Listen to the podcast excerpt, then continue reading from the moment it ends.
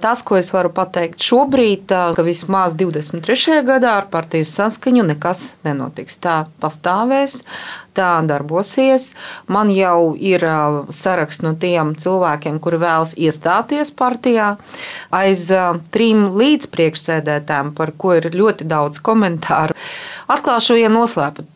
Tā bija mana koncepcija, jo bija skaidrs, ka viena no pamat problēmām, kas skaiž tieši partijai, tas, ko varbūt eh, daži citi neredz no ārpuses, tas bija personības kults un eh, tas, ka ierins biedri bija ārkārtīgi neapmierināti ar to, kādā veidā tiek pieņemt lēmumu partijā. Tā bija viena no mūsu pamat problēmām, un tā pašlaik ir atrisināta tieši ar krīzes vadību. Tas nav modelis trīs lietas priekšsēdētāji. Kopumā tā ir krīzes vadība. Kongress noteica pārējais gadu vienu gadu ietvarā, un tā ir krīzes vadība uz vienu gadu. Un šīs pat periods tiks sadalīts. Mēs paši priekš sevis tagad nolēmām, ka būs pirmās simts dienas kad mēs mēģināsim izstrādāt kopīgi un kolēģiāli gan savu darba plānu, gan īstenot arī pirms pasākums. Ko jūs šī gada gaitā vēlaties paveikt, apzinoties, ka tā ir krīzes vadība un ka partijā ir krīze? Kāds ir plāns? Pamatmērķis ir partijas kapacitātes stiprināšana. Jo pašlaik eh, tieši priekš tā ir ļoti ērts periods, jo šogad, 23. gada, nenotiek nekādas vēlēšanas.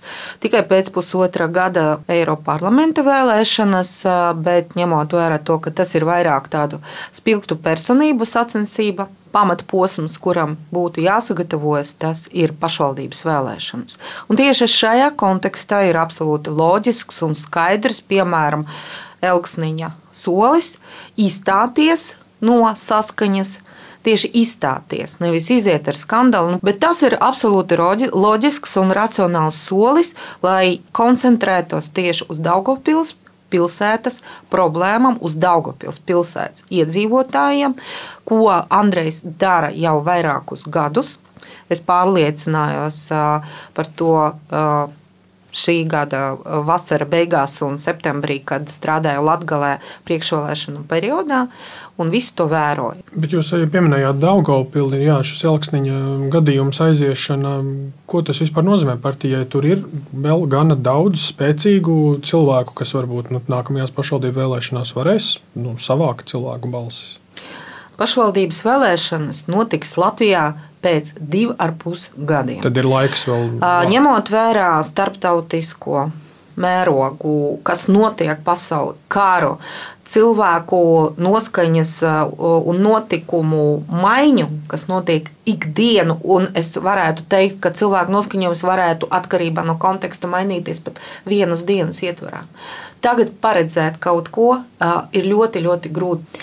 Bet savas pozīcijas vērtējot Daugopilī, kā jūs redzat, jums tās ir gana stipras? Saskaņai kā idejai, jā, mūsu pozīcijas ir stipras. Un, ja mēs runājam par a, nākamajām parlamenta vēlēšanām, tad, protams, saskaņas nākotnes pozīcija ir atkarīga no tā, vai mēs spēsim rast kompromisu starp Rīgu un Latviju jo tā amplitūda ir pārāk liela. Un pamata problēma, ja mēs runājam par ideoloģiju, bija saistīta tieši ar to, kā vēl paplašinājās un attālinājās rīznieku, kā saskaņas Eiropas pozīcijas un Latvijas kā saskaņas kreisākas pozīcijas atšķirība.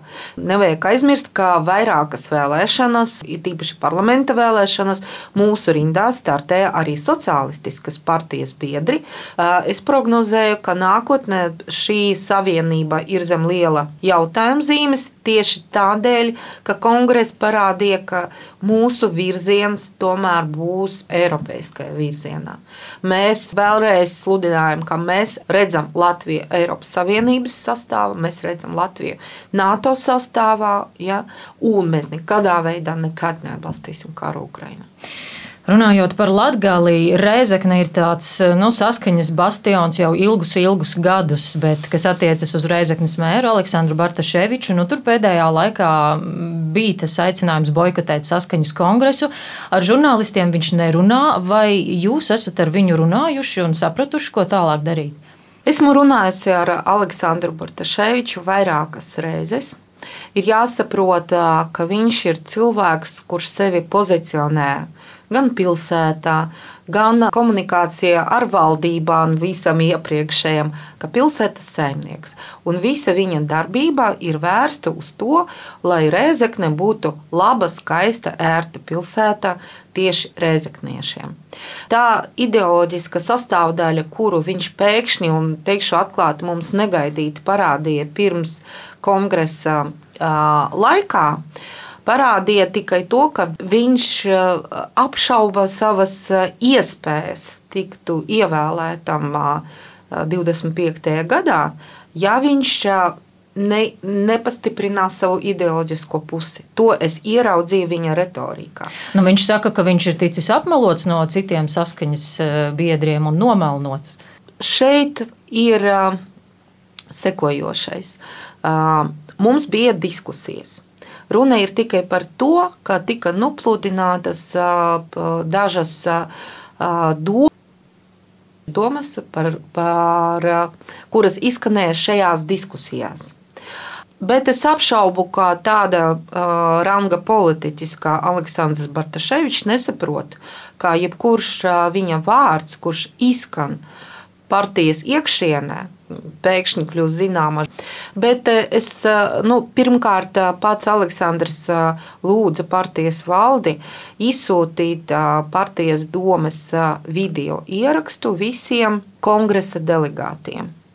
Un, tur ir redzamas vismaz viņa domu virziens. Un tā doma par to, ka mūsu ārlietu ministrija rīkojas nepareizi, doma par to, ka jā, tiešām viņš rūpējoties par Rēzekni, kas atrodas 30 km no Krievijas robežas. Viņš piedāvāja to ideju, to es varu apstiprināt par iespējamo valsts neutralitāti un kaut kādas drošības garantijas no kaimiņu valstīm. Jums ja? tas ir pieņemami? Man uh, bija ļoti liels izbrīns par tādām idejām vispār. Man pat likās, uh, ka tas ir naīvi. Jebkurš cilvēks, kurš nopietni pētījis Pirmā un Otrā pasaules kara vēsturi, ja, uh, lieliski saprotu, par ko ir runa, par kādām mājienu uz jebkura Molotova-Ribbentropa pakta atkārtotu iespēju, jā, manuprāt, kas izskan no pašlaik vēl ne pat partijas priekšsēdētāja, bet pilsētas mēra mutes. Ja, liecina par to, ka viņš tiešām varbūt viņam padomā izveidot jaunu partiju ar pavisam jaunu ideoloģiju. Uh, vai tas ir naīvi. Bet tas pašlaik viņas... man nav informācijas, pa kuru ceļu ies Aleksandrs. Bet viņš pats no partijas varētu tikt izslēgts. Pirmdien mēs izrunājām tādu iespēju, vai mums nevajadzētu izslēgt Bartaševiču par aicinājumu boikotēt kongresu. Bet tas tiešām ir ļoti nopietni un principā mūsu partijas statūti tāds punkts ir par partijas apmelošanu, diskreditēšanu. Tad, tad par to vēl tālāk. Par to vēl mēs nolēmām, ka pirmajā sēdē mēs to nedarīsim, ka mēs nedēļas laikā mēģināsim uzrunāt visus mūsu biedrus Latvijā, ko mēs pašlaik arī darām.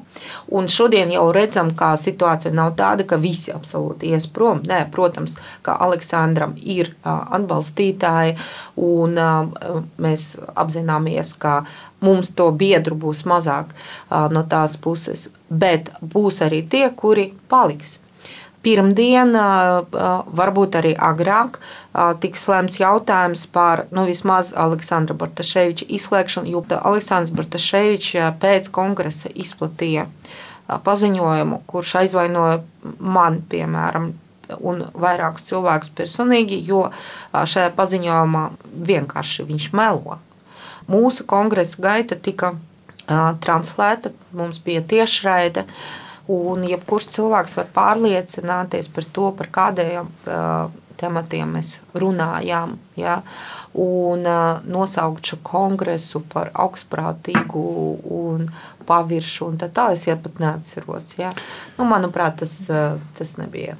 Pēdējais jautājums, ko gribētu saprast par partiju kopumā, par Jā. to nākotni par to redzējumu šobrīd no politiskā piedāvājuma, no tā spektra partijām, kas ir. Jūs redzat tādu ciešāku, varbūt sadarbību, varbūt, nezinu, varbūt restartēšanās un kaut kāda krīzes, varbūt ietver arī kaut kādu no apvienošanos, pievienošanos. Kā mm. jūs redzat eh, tālāko šajā ziņā? Uh. Tā. Nu, Pirmām kārtām kongresā mēs palikām pie tā, ka mēs nemainām mūsu nosaukumu, mēs paliekam Sociāla demokrātiska partija saskaņa.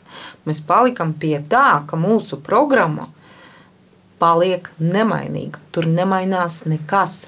Ne no sociāla bloka, tātad pirmais sociālais taisnīgums, vienotā politiskā nācija – Tātad, protams, mēs neesam konservatīvu spēku spektrā, mēs esam kreisi centriska partija vai centriski kreisa partija. Ja? Tad ar tādām jūs arī varētu nu, tādu sadarbību tā, redzēt. Tieši jūs tā. minēt kādu konkrētu, kas mums ir šobrīd? Pašlaik es atļaušos neminēt, it īpaši tāpēc, ka es saku, es esmu viena no krīzes vadības līdz priekšsēdētājiem, un pirms kaut ko sludināt, mums ir jāuzspriežas gan trijotnē, gan ar valdi. Pašlaik mums ir tāds jebkura lēmuma pieņemšanas modelis, bet mēs runājam, noteikti mums būs partneri.